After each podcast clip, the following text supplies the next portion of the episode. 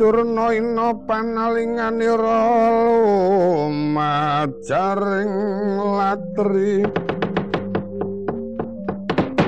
Sinandak sangat terus to jumena kapisanan.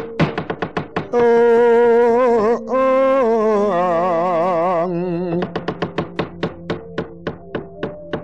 linenggak tinigas jangganiro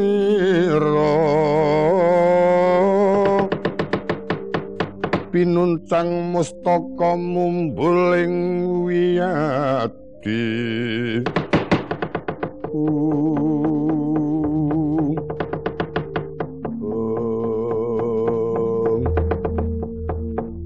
Romo merpeki ingkang putra kok sajaipun kumembeng waspanipun Rama wonten menapa Paman Kerpa saged tinampi dados senopati menapa boten awit miturut saking pretanganipun Rama Paman Kerpa saged numpes para satriya-satriya Pandhawa Rama dipun dukani menapa kok muwun Satama pancen tiba dina sing elek. Pamanmu krepus. Krepo aa. Tak magang-magangake supaya bisa dadi senopati ning negara Ngastina ya suraketan paribasan ming gerong-gerong. Ki. Nanging pancen pamanmu rada keladuk wani kurang geduga lancang pangucap dadi oleh-olehane wong sing kurang sopan oleh-olehane wong sing lancang iki kaya ngono kuwi. Idos pundi? Kene yo ngger tak kandhani. Didangu karo Angger Prabu Jaka Pitana. Kula mangertos wadosipun Cang Amarta lan ngertos pengapesanipun Cang Amarta. Syukur paman menawi paman kerpa saged mangertos pemadosipun tiyang ngamarta. Menika sinten? Ya ora kamu Jaka Pitana. Sasampunipun mekaten paman. Kula badhe nyuwun prisa menapa sababipun Kurawa saben majeng dados senopati kok temtu mireng kabar sampun dados layon paman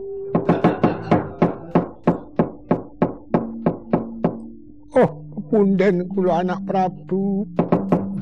Panjen wonten wewadosipun Ngastina jalaran kintipun gambaraken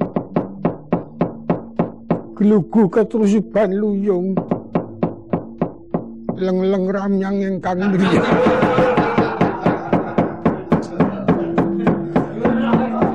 Malah suluk.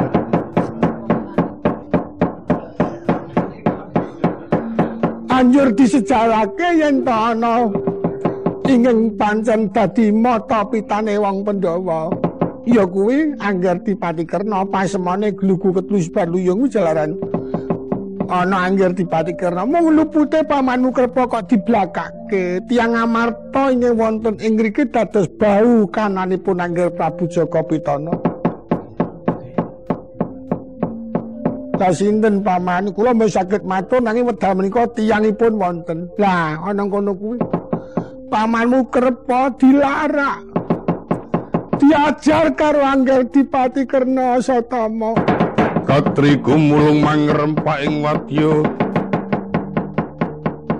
Makiri rero nanggono ronanggono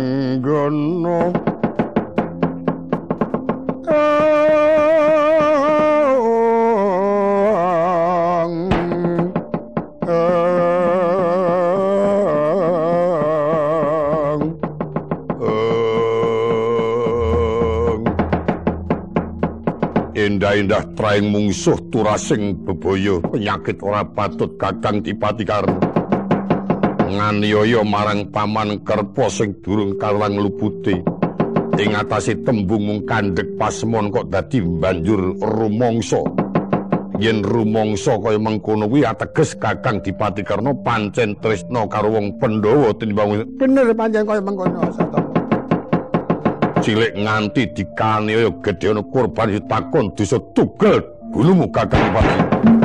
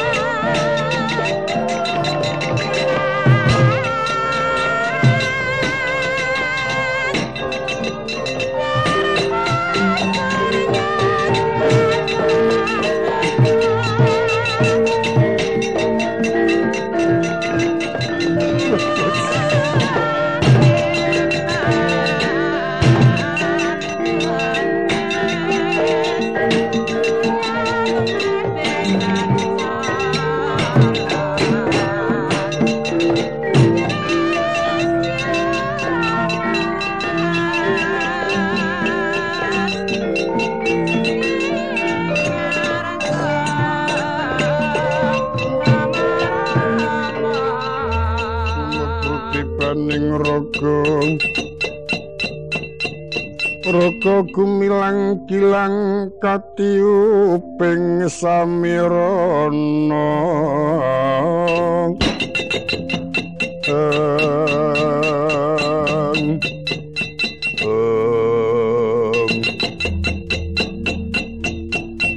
Kowe pendhita nanging ora netepi pendhitamu penyakit ora patut aku ramaido pancen kudune. Manungsa iku darbe panyakra bawa kuwi ora mukal nanging kudune panggawa papan. Lan ora ana alane ana kono kandhek ana batin. Awit ing batin kena kinarya analiti marang watak-watake manungsa siji lan sijine Srawung nembe iki mau aku omong-omongan wae durung karo wujudmu kok dadi kowe kumawani celemongan lambemu ndlewer. Yen dipati kerno ki dianggep sulung mlebu geni apa kowe ngerti bati-bati dipati kerno?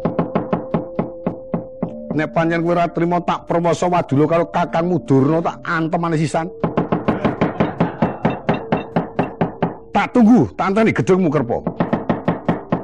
kerpo.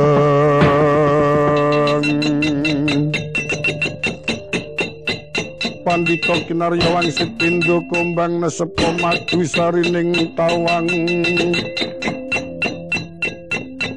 Medarno ngelmu kang sanyata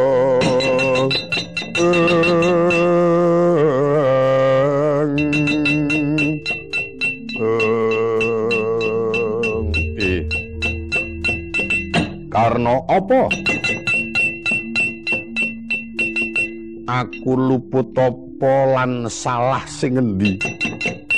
Kok dadi dipati karena kumawani ngelarak sangka ngersani anak Prabu Joko Pitono tekan ing tengah ngalas teko aku banjur tok perwasa.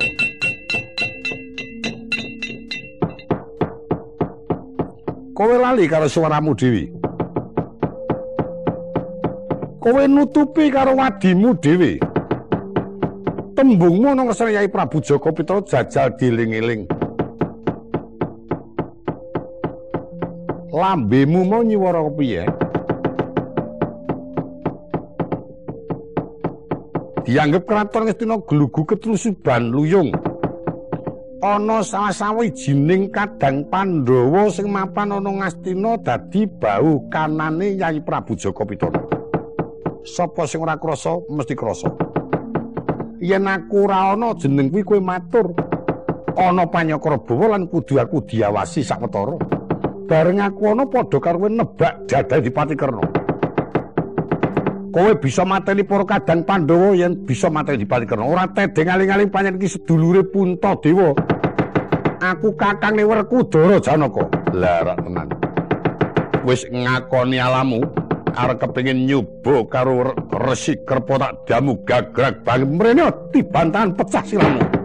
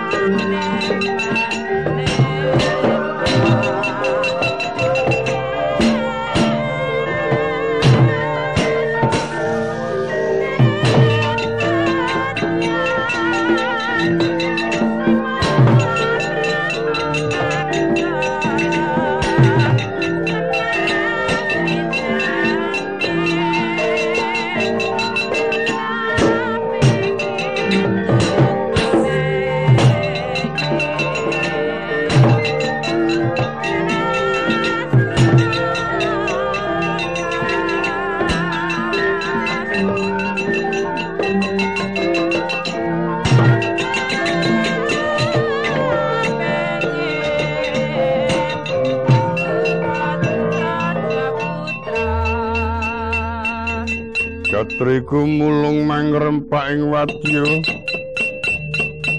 Makiri rero nang gono ronang gono. Um, um.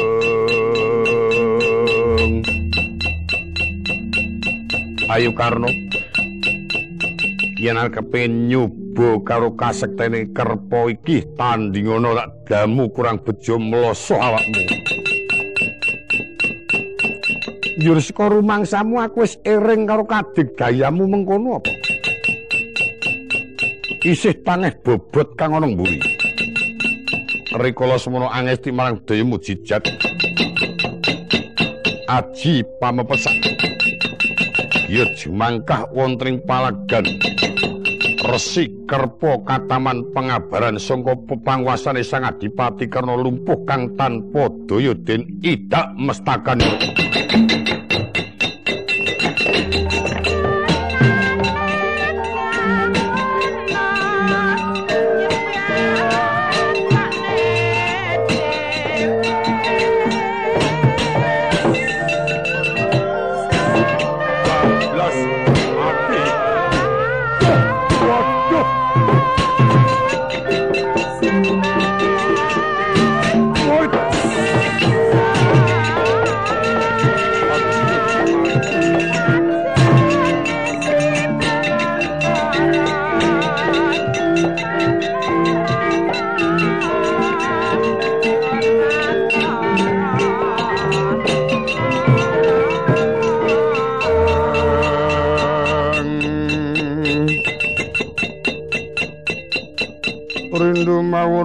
Katon sing mangawur-awur tinon tengaraning prajurit. Gong maguru gong saswara tetek lir mbutul-mbutulno.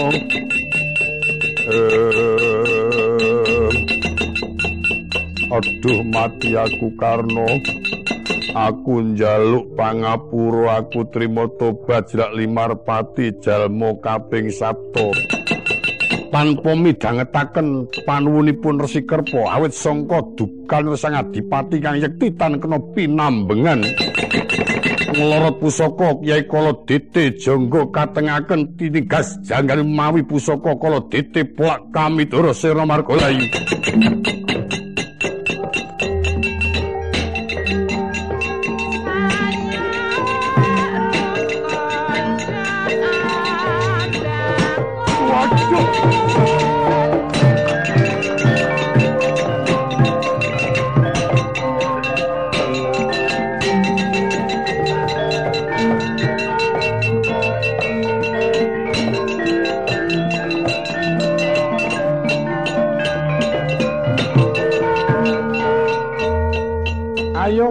Mrata Jaya Mrata untap-untap sasat padha ate dengaling-aling kerna sedulure wong Amarta.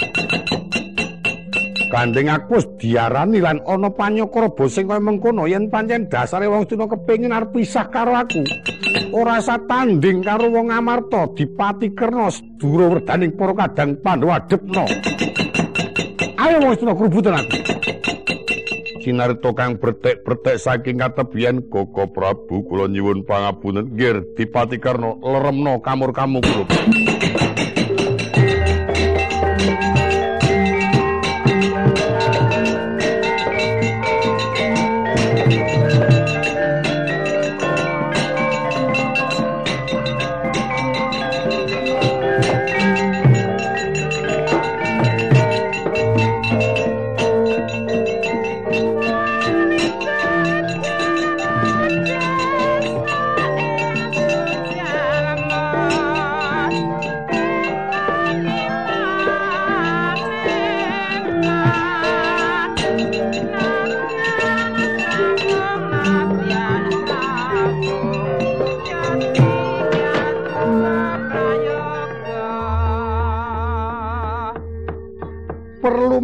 menapa kula ngginakaken tembung ingkang isinipun angaosi Yai Prabu Joko Pitana nyatanipun dina menika sawungipun Yai Prabu sampun ngapraya kula ing mejahi. Sedaya para prisuh dateng wonten ngajengan kula badhe kersa menapa? yen pancen wonten tembung badhe bilani kerep ampun majing bawa tunggal krubut yang sangestina dipati karo bayi tameng dodo. Nun, yai badhe majing perang napa? Buya. Rama Prabu badhe bilani? Lho mengko dhisik to nggih aku ki mara tuwamu aja tok getak-getak. Ora ora nggir. Paman sing yen perlu Kurawa dajengaken sedaya. supaya teko tengah jengan kula mriki. Rawi-rawi lantas malang-malang putung, senjata kontra bisa nyentengi sirawang sira trima nyembah delamane. Aduh mati ya. Aduh nggih rampun geru disentengi riyen. Dereng rampung. Koko Prabu Karno.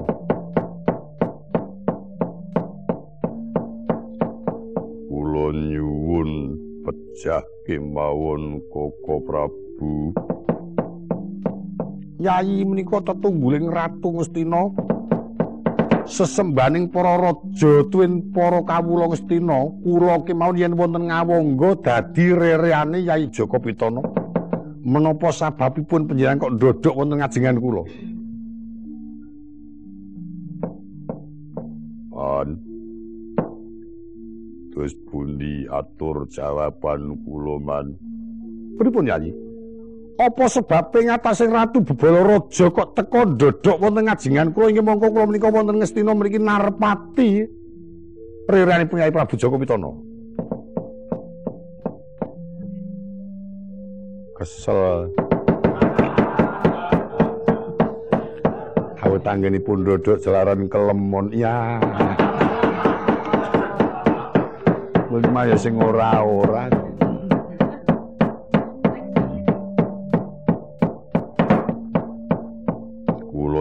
Pangapunten senadyan to kula menika amurba wenang ing kraton Ngawangga saknyatanipun Koko Prabu dados purbanipun ripaduka kula. Nanging wedal menika sanes Ratu Ngastina. Kula Joko Pitana penyaripun Koko Prabu ing Awangga Kang Mas Suryatmaja ikleres pripean kalian kula ingin keler sepuh. Wajib kula ajeni lan wajib kula luhuraken. Leres. Sak sampunipun ngaten. Gandeng Yai Prabu Tatwa semanten kempaling para Kurawa menika badhe amisudha kerpa dados senopati. nang mergi saking lepat suaranipun kerpo nyelentik talingan kula sakmenika kerpo sampun pejah ateges kempaling kurwa tanpa paedah sak pejahipun kerpo menika lajeng kersanipun yayi menapa badhe bela? Menapa badhe pisah kaliyan ingkang raka awit kula sampun dipun dakwa yen to gelugu ketrus banluyung wonten garis dina ing atase nyawontenaken pepanggihan ing semanten agripun ragate ora titik teka-teka banjur dibubarake. Sobi. Yen pancen keduwung kerpa kula pejahi kerna sumadya mengsakan sinten kemon badhe sagah. Terus pundi paman? Samenika ngaten nggih. asrah klepatan pejahipun kerpa mboten dados menapa senajan to ngawontenaken pepanggihan ing semanten agengipun dasaripun pepanggihan menika mboten sekedhik ragatipun Prayo ngono senguni nggih iki wis sampun mboten dados menapa yen namung kecalan nuk kangge kura menika sampun mboten mokal. Jering ngawontenaken pepanggihan mongko menika wonten pakuwon. Larang ngono. Isinipun angger Prabu Joko Pitana nyuwunaken pangapunten. Malah prayoginipun mbok bilih Koko Prabu Mandaraka marengaken. Ingkang putra angger Dipati Karna dipun dadosna senopati. Kok kaya rujuk pamikirku marang tembungmu Sengguni. Nggih. Koko Prabu Senadyanto. Paman Kerpo sampun sirna margalayu. mboten badhe gadah raos getun lan keduwung. Lan Koko Prabu tetep badhe kula rangkul, tetep minangka jejimat kula lan tetungguling para Kurawa. Lajeng kersanipun Yayi Malayento kepareng karnan ing penggalih dinten menika Koko Prabu ingin kula jumenengaken senopati nrabasing pabarisan para Pandhawa. Lenggah nginggil Yayi.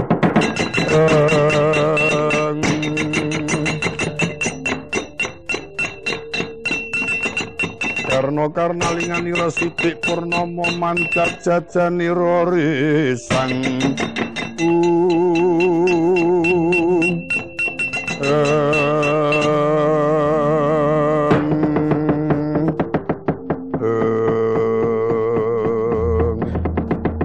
Menapa sebabipun Yayi kula lenggaken inggil?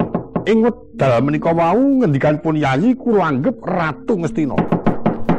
Inggih sampun mutusaken bil Rakapura ing kedah jumeneng Senopati nggih mongko ing raka menika purba wasanipun Yayi Prabu.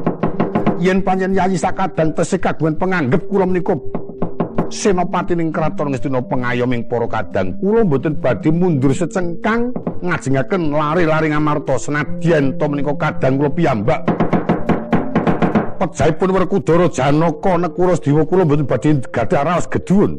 Senajan to kula dipun pejahi kula rila lair batos idep-idep ingin nyuwargaken kula menika kadang amarta. Tembungmu kang kaya mengkono mau bisa nimbulake mongko ing atiku kula. Yen pancen kula sing sampun kapatah dados senopati. Kepareng dinten menika, wedal menika boten perlu kula mampir-mampir. Badhe ngajengaken para Pandhawa manjing wonten Kurusetra sabar dhisik nggih. Iki wayahe wis sore.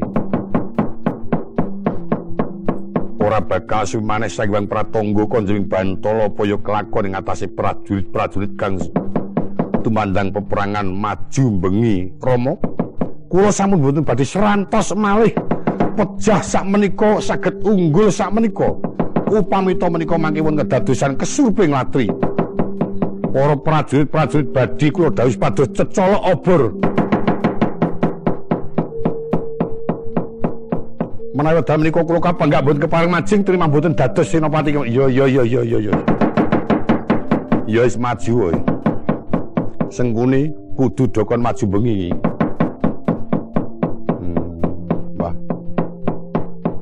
Senopati kon maju bengi bahaya iki.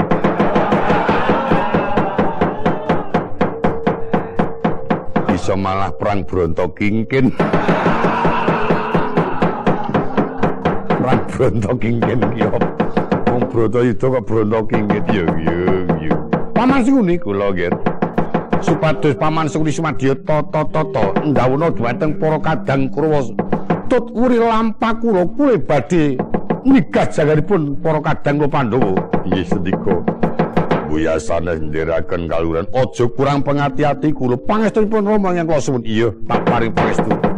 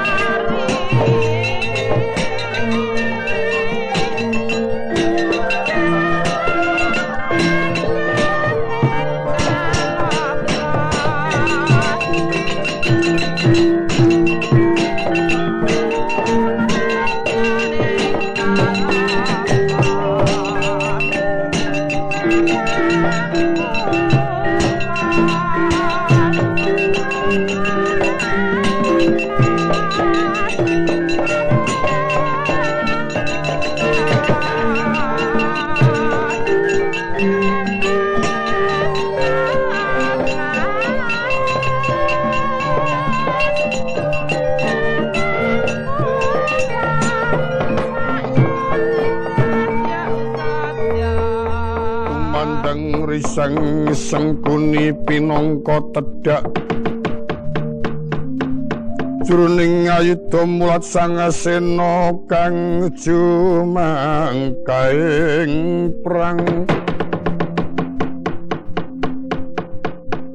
Winuwa sang sengkuni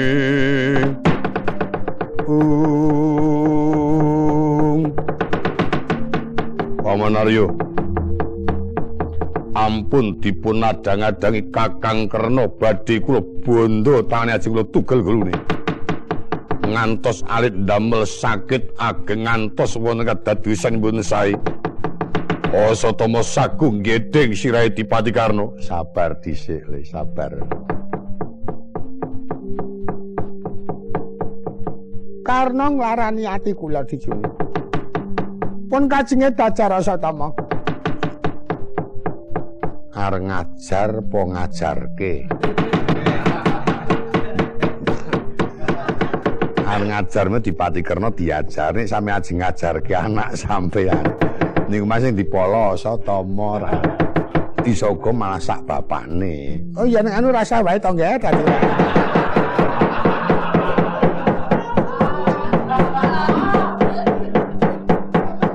Engko mundangani malah Bisa bahasa ya.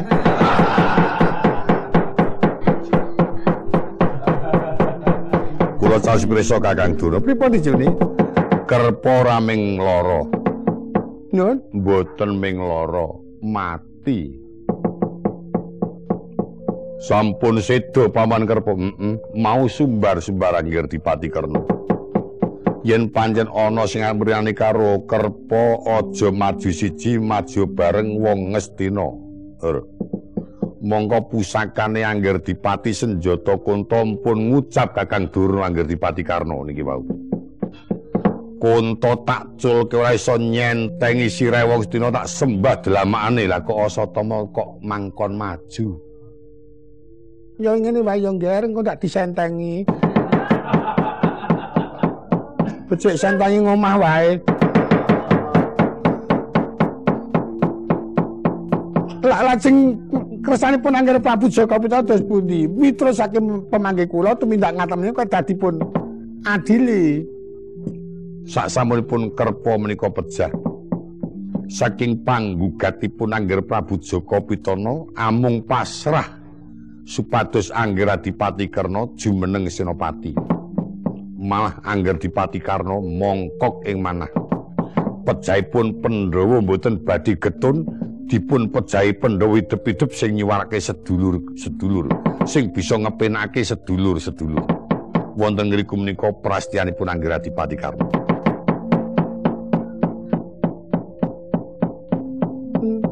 Ya saniki senopatine angger dipati karena Nggih. Mongko mboten serantos majeng benjang-enjang. Kedah dalu menika tumandang perang mboten ketan tecolok obor.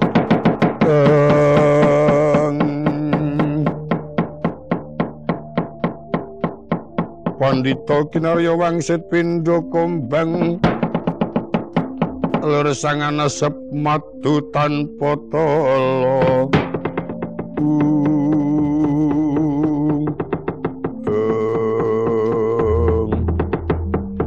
Yen panjen sampun mekaten prastanipun Koko Prabu Karno, kula mendho paman.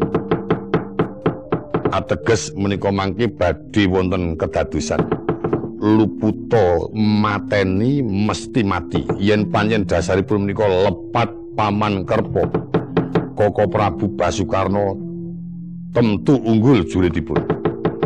Nanging lepat Koko Prabu Karno tentu wonten korban ingkang malesaken dumateng Paman Kerpo. Saged kelampan malah Kakang Dipati piyambak dados korban. Nah, wis prayoga. Wis buktekno, pokoke janji menang mesti bener ning yen kalah luput ngono wae. Sing kalah salah ki pancen makmu cilik wae. Makmu cilik ya salah, bapakmu ya iya. Dadi iki mengko upama to